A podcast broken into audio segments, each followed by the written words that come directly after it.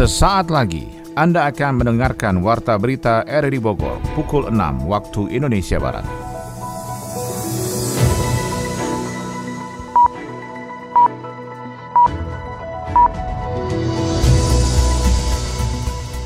Selamat pagi. Pendengar, Warta Berita RRI Bogor akhir pekan edisi Minggu 8 Agustus 2021. Kami isi dengan rangkuman berita sepekan. Siaran ini dapat Anda dengarkan melalui aplikasi RRI Playgo serta turut disiarkan Radio Tegar Beriman Kabupaten Bogor. Bersama saya Marisa, inilah Warta Berita sepekan selengkapnya.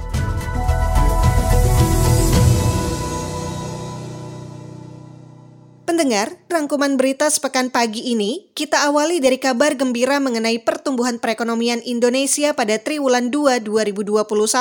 Kepala BPS Margo Yuwono dalam konferensi pers di Jakarta Kamis siang menyatakan, pertumbuhan ini dilatar belakangi upaya pemerintah yang gencar dalam menjalankan program vaksinasi sehingga mampu meningkatkan kepercayaan masyarakat untuk melakukan mobilitas. Pertumbuhan juga dipengaruhi perbaikan ekonomi global, terutama beberapa negara yang menjadi mitra dagang Indonesia seperti Cina yang tumbuh 7,9 persen, Singapura 14,3 persen, dan Korea Selatan 5,9 persen. Pada triwulan 2 tahun 2021, perekonomian Indonesia yang diukur dari besaran produk domestik bruto atau PDB atas dasar harga berlaku mencapai 4.175,8 triliun. Sedangkan kalau kita nilai atas dasar harga konstan, ya, PDB triwulan 2 tahun 2021 sebesar 2.772,8 triliun.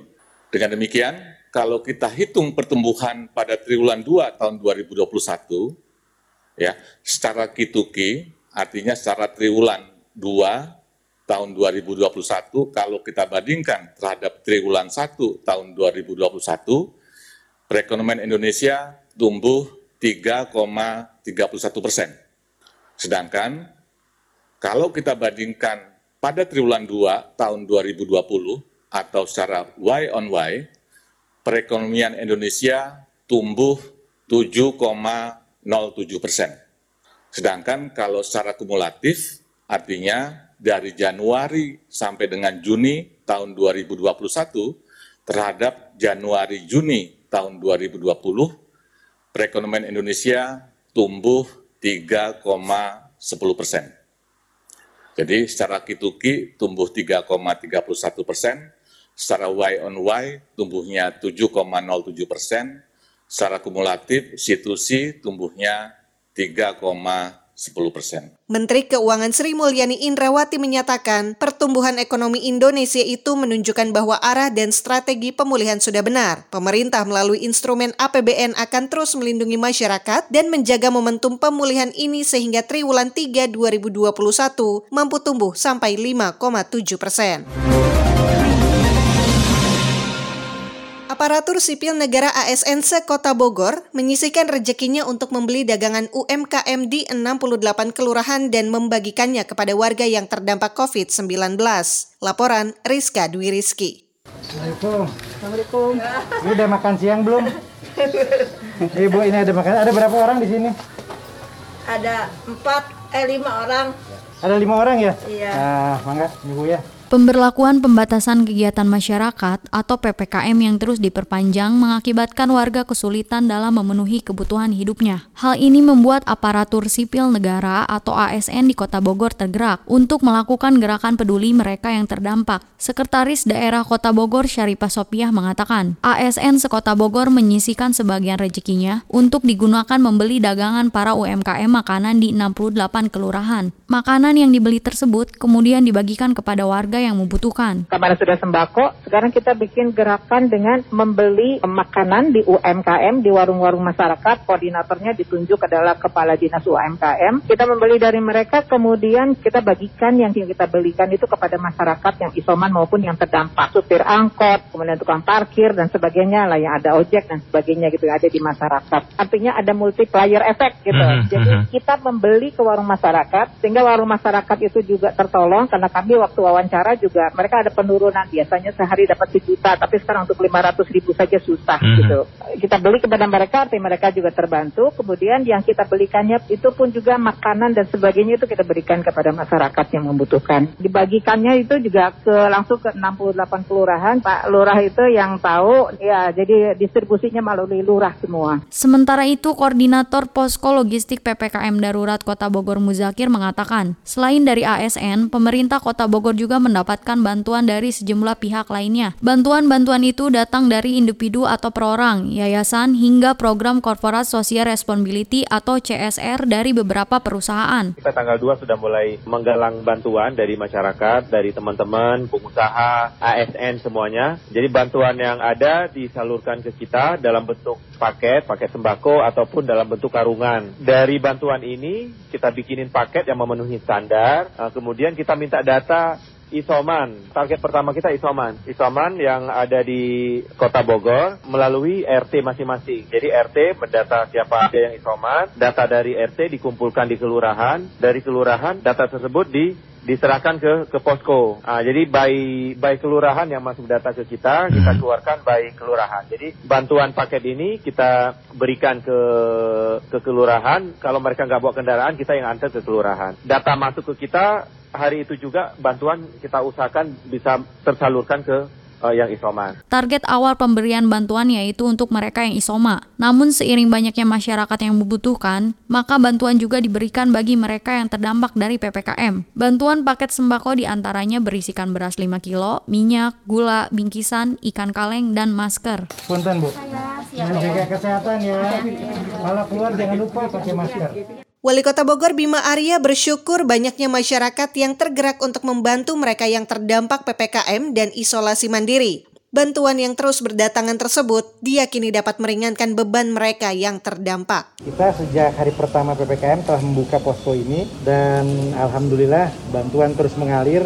Ya sempat kemarin menipis tapi sekarang masuk lagi dari teman-teman Kompas, dari para pembaca luar biasa, dari Mall BTM ada, dari Bank Mandiri semua. Bahkan ada individu yang datang ke sini hanya untuk menyumbang. Ada ibu-ibu arisan datang ke sini. Ini membuktikan bahwa solidaritas kita luar biasa. Jadi modal sosial kita memenangkan malam pandemi ini ada solidaritas sosial kita. Dan inilah yang dibagikan langsung ke kelurahan-kelurahan. Warga yang isoman dan warga yang nggak bisa bekerja dan nggak mendapatkan penghasilan. Sedikitnya 17.200 paket bantuan yang dikumpulkan di Posko Darurat Logistik Gedung Wanita, Jalan Jenderal Sudirman, Kota Bogor, sudah dibagikan kepada masyarakat yang terdampak COVID-19.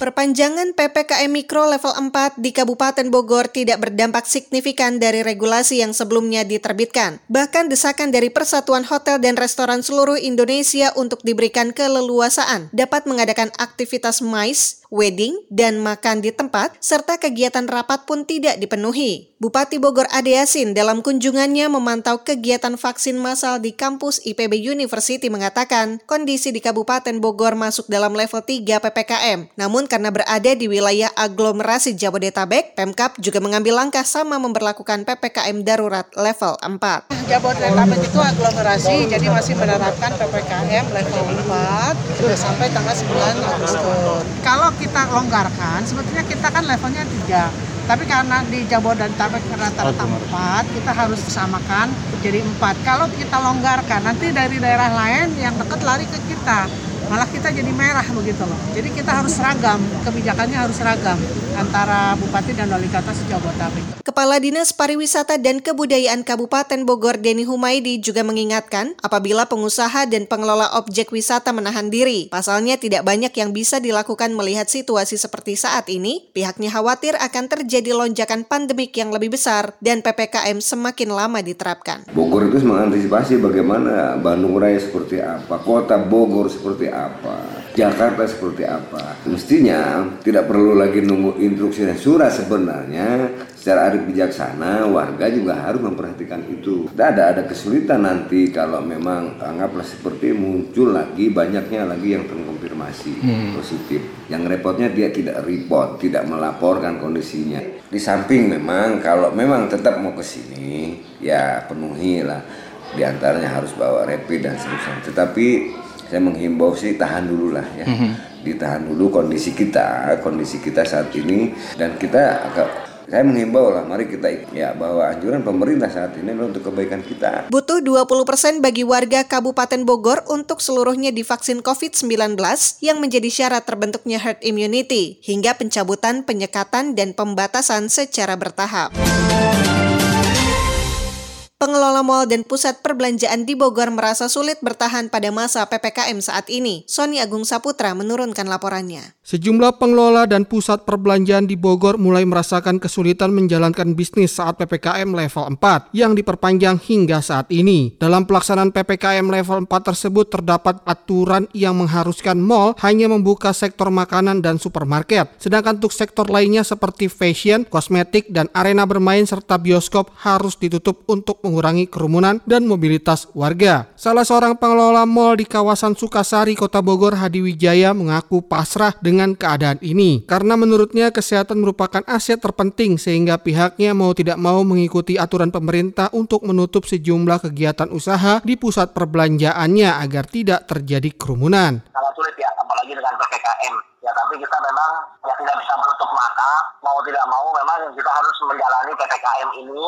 Ya guna menekan laju daripada covid ini makin meninggi gitu mau nggak mau akibatnya dengan mall ya sangat sekali berdampak yang tidak bisa kita hindari dengan penutupan mall seperti ini tentunya sangat memberatkan bagi pengelola pusat perbelanjaan maupun tenan-tenan yang ada di dalamnya. Tapi kita nggak bisa berbuat banyak. Kita mementingkan kesehatan nomor satu. PPKM kita jalani sebisa mungkin apa yang bisa kita hemat saat ini, ya itulah yang kita jalani. Atau strategi-strategi lain yang mungkin dengan masih adanya penjualan-penjualan online atau take away yang bisa sedikit membantu, ya itu yang kami terapkan sekarang. Sementara itu Ketua Pengelola Pusat Perbelanjaan Indonesia APBBI Indonesia Cabang Bogor Herman Budi Santoso mengungkapkan kondisi pusat perbelanjaan saat ini sangat mengkhawatirkan karena banyak komponen yang harus tetap terbayarkan seperti listrik dan pajak bumi dan bangunan meski usaha tutup. Untuk itu pihaknya menginginkan adanya intensif pembayaran listrik dan keringanan PBB agar dapat bertahan dalam masa pandemi ini. Menjelang dua bulan aja kita sudah menanggung biaya listrik, biaya karyawan dan sebagainya memang sudah ada yang dirumahkan. Jadi ini memang berat, Pak. Sedangkan relaksasi yang diberikan oleh pemerintah, misalnya contoh penundaan apa penghapusan PPN itu hanya berdampak pada tenan, Pak. Sedangkan pada pengusaha kan yang diharapkan adalah PPh finalnya.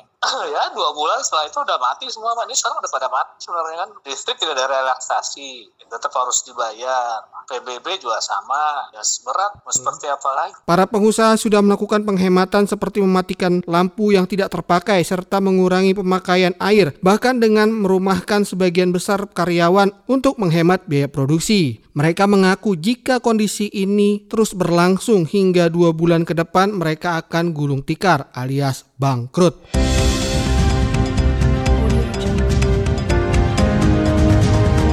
Anda masih mendengarkan rangkuman berita sepekan RRI Bogor. Akses jalan warga yang menghubungkan dua kecamatan Rumpin dan Parung Panjang di Kampung Ciater, Desa Cipinang, Rumpin Bogor terputus akibat longsor. Selain diakibatkan tingginya curah hujan, kontur lahan di lokasi longsor ternyata sudah labil akibat eksplorasi galian tambang tipe C di kawasan itu. Kondisi longsor di wilayah itu pun cukup parah dengan tebingan curam setinggi 30 hingga 40 meter. Bahkan lima rumah warga di sekitar lokasi terpaksa harus dikosongkan karena berpotensi longsor susulan. Bupati Bogor Ade Yasin yang melakukan peninjauan lokasi longsor meminta dengan tegas pihak pengusaha pertambangan terkait untuk bertanggung jawab dan menangani longsor tersebut dengan cepat. Saya begini Pak, ini itu sudah berkali-kali di, di, di Rumpin ini kejadian seperti ini. Bapak ada izin? Ada, Pak. Kalau ada izin, berarti Bapak harus bertanggung jawab terhadap kerusakan yang ada. Sekarang langkah Bapak apa?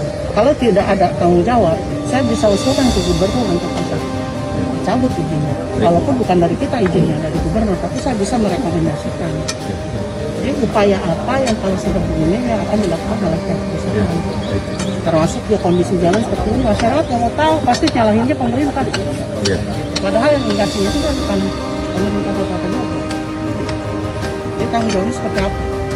Saya nggak mau tahu, nggak mau tahu ada masyarakat yang teriak karena tidak diganti rugi atau yang memang kena dampak ini tidak diperhatikan. Siap, siap. Terus jalan existingnya kalau dari sini dulu berubah ke sini, yeah. ini juga kan harus izin dulu, Pak. pembebasan tanah silahkan di, di, di, yeah. di, di, dibebaskan ini juga masyarakat juga harus tahu berarti harus sosialisasi dulu ke masyarakat yeah, supaya tidak ada protes mm -hmm. jadi itu ini selesaikan. Saya nggak mau tahu ini kalau nggak selesai nanti baik bu. Siap. itu juga Siap. kita pertimbangkan lagi. Ya baik bu. Makasih ya. bu. Ya, makasih bu. Jadi ini tanggung jawab semua perusahaan ya. Karena pemerintah tidak pernah mengizinkan untuk tanpa karena ada di pusat eh di pusat di, di provinsi. Nanti ya ditarik ke pusat kan begitu jadi sekarang kalau memang punya niat baik silakan ini selesaikan. Ya baik bu. Jadi Siap. jangan sampai ada protes-protes dari masyarakat. Baik bu. Ya kan? seminggu ini saya lihat progres ya. Kalau nggak ada nanti saya tapi melihat akibat dari longsor uh, penambangan dan tadi saya sudah sampaikan juga bahwa karena ini penambangan berizin ya dan uh, ternyata nekat ke jalan sehingga uh, tadi saya minta untuk pihak perusahaan bertanggung jawab dengan merelokasi jalan ini dan juga merelokasi warga yang ada di sekitar sini. Karena ini area berbahaya ada area yang memang sangat rawan terjadinya kelongsoran yang bisa-bisa. Jadi longsor kedua kali kalau tidak cepat-cepat kita antisipasi dan ini tanggung jawab mereka sebagai pengusaha ya, kita uh, mereka minta kita tanggung jawab kalau memang tidak ya kita nanti bisa minta evaluasi ke karena label tanah itu ter, terjadi di bawah di bawah itu ada pergerakan uh, apa penambangan Polisi mengungkap pembunuhan penjaga warung nasi di kawasan Cilendek, Bogor Barat, Kota Bogor yang dilatar belakangi motif cemburu. Sony Agung Saputra menurunkan laporannya. Pelaku pembunuhan berlatar belakang cemburu di kawasan Cilendek, Bogor Barat, Kota Bogor ditangkap polisi. Pelaku E yang melakukan pembunuhan terhadap pacarnya NA dan menganiaya anak korban hingga mengalami luka berat ditangkap di pelariannya di kawasan Sukabumi. Kapolresta Bogor Kota Kombes Pol Susatyo Purnomo Condro mengungkapkan pelaku tega melakukan aksi jahatnya karena melihat sang pacar yang merupakan penjaga warung nasi di kawasan Jalan Abdullah Binu terindikasi mempunyai pria idaman lain. Pelaku menghabisi korban dan menganiaya anak korban dengan menggunakan kayu balok kami telah berhasil mengungkap kasus pembunuhan berencana dan atau pencurian dengan kekerasan atas nama korban Nur Alia 47 tahun yang meninggal dunia kemudian putrinya atas nama Disa Fitriani umur 21 tahun di TKP ini di warung nasi milik korban. Dan tersangka atas nama Saiful alias Epul umur 57 tahun ditangkap di Kabupaten Sukabumi. Setelah kita melakukan pengejaran dan penangkapan dan barang bukti yang kami sita adalah dua buah handphone milik korban yaitu milik korban ibu dan milik korban anaknya termasuk juga barang bukti sebilah kayu yang digunakan untuk memukul korban jadi sesuai dengan hasil otopsi memang korban bagian kepala belakang itu adalah bekas benda tumpul. Pelaku diketahui sempat menyamarkan kejadian dengan mengambil sejumlah barang milik korban seperti telepon genggam sehingga terkesan merupakan pencurian. Sementara itu Kasat Reskrim Polresta Bogor Kota Kompol Doni Erwanto menegaskan pelaku terindikasi melakukan pembunuhan berencana sehingga pihaknya mengenakan pasal berlapis termasuk pasal 340 KUHP tentang pembunuhan berencana dengan ancaman hukuman maksimal mati. Tersangka melalui dari anaknya karena anak anaknya sudah mengenal dan juga anaknya alhamdulillah saat ini selamat sehingga memberikan informasi kepada kami sebenarnya siapa sih pelakunya. Kalau hasil proses penyidikan kami anaknya ini sempat tidak sadarkan diri karena juga dipukul.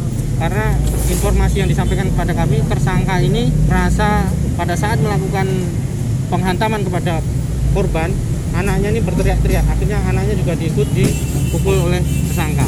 Ya niatnya untuk mencelakai korban tetapi karena anaknya berteriak akhirnya anaknya juga ikut di oh, gitu. sebenarnya antara pelaku dengan korban ini ada hubungan tetapi karena korban ini menjalin hubungan dengan orang lain ya kami jerat dengan pasal 340 pembunuhan berencana karena dia sudah melakukan perencanaan ini sejak awal Idul Adha. Hingga saat ini pelaku masih menjalani pemeriksaan di Satuan Reserse Kriminal Satreskrim Polresta Bogor Kota untuk mempertanggungjawabkan perbuatannya.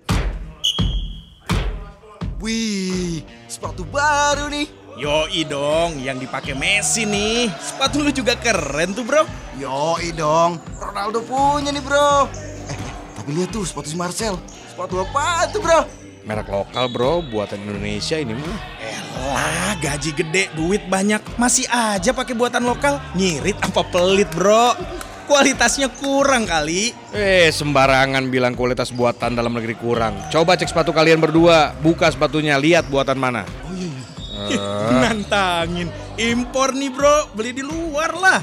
Made in Indonesia yang gua, Bro. Coba. Lah, yang gua buatan Indonesia juga. Justru kualitas buatan kita itu terbaik bro Dari sepatu, elektronik, fashion, sampai pernak-pernik udah diakuin sama dunia Ngapain beli barang impor kalau kualitas produk kita lebih oke? Kalau gue sih bangga buatan Indonesia Saatnya kita bangga buatan Indonesia.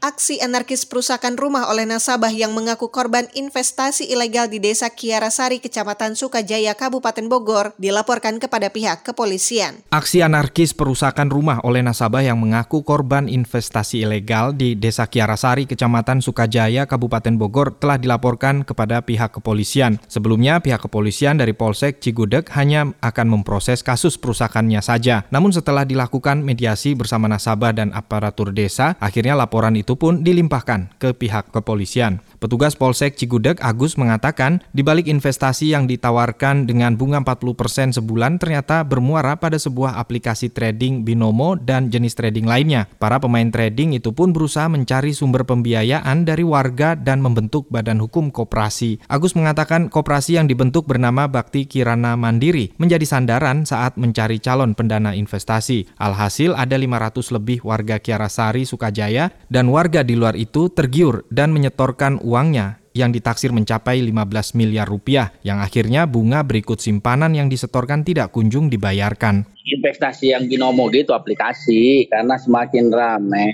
kan istilahnya yang investasi dia buatlah koperasi di bawah naungan koperasi. Sebenarnya yang yang dia mainkan itu kan binomo aplikasi binomo itu. Cuman karena binomo itu kan hanya berbentuk aplikasi dia buatlah koperasi. Itu juga koperasi masih baru. Kalau bicara tersangka itu kan karena kan belum ada laporan dari warga yang jadi korban itu kan. Tidak hanya warga biasa saja, Sekretaris Desa Kiarasari, Ridwan Jainal, juga menjadi korbannya. Ridwan menyetorkan 120 juta rupiah kepada pemasar investasi ilegal berwajah koperasi itu. Sekdes bersama dengan ratusan warga lainnya didampingi kuasa hukum melaporkannya kepada Polsek setempat. karena memang banyak juga warga yang dirikan, terus kemudian banyak juga yang menuntut gimana kejelasannya. Akhirnya saya memberanikan diri mencoba membuat laporan eh, polisi secara resmi. Proses hukum dilanjutkan karena memang beberapa pertimbangan. Kita menunggu juga tidak pasti, harus bertanya ke siapa, tidak ada akses informasi, kan begitu ya. Lalu kemudian ada selentingan kabar katanya gitu. Ya gimana Irwan mau, mau ngasih klarifikasi sementara dia sendiri juga ketakutan. Pihak pengurus koperasi menjanjikan uang investasi dari para pendana yang diputarkan untuk bisnis trading binomo dan forex akan dikembalikan paling lama dalam 6 bulan dengan bunga 40%, terhitung sejak bulan Februari hingga Juli. Namun karena sudah melewati batas akhir Juli, para pendana merusak 6 rumah milik pengelola koperasi dan pemasarnya di Kampung Cirarak Gubuk, Cipendei, dan Pasir Bandera.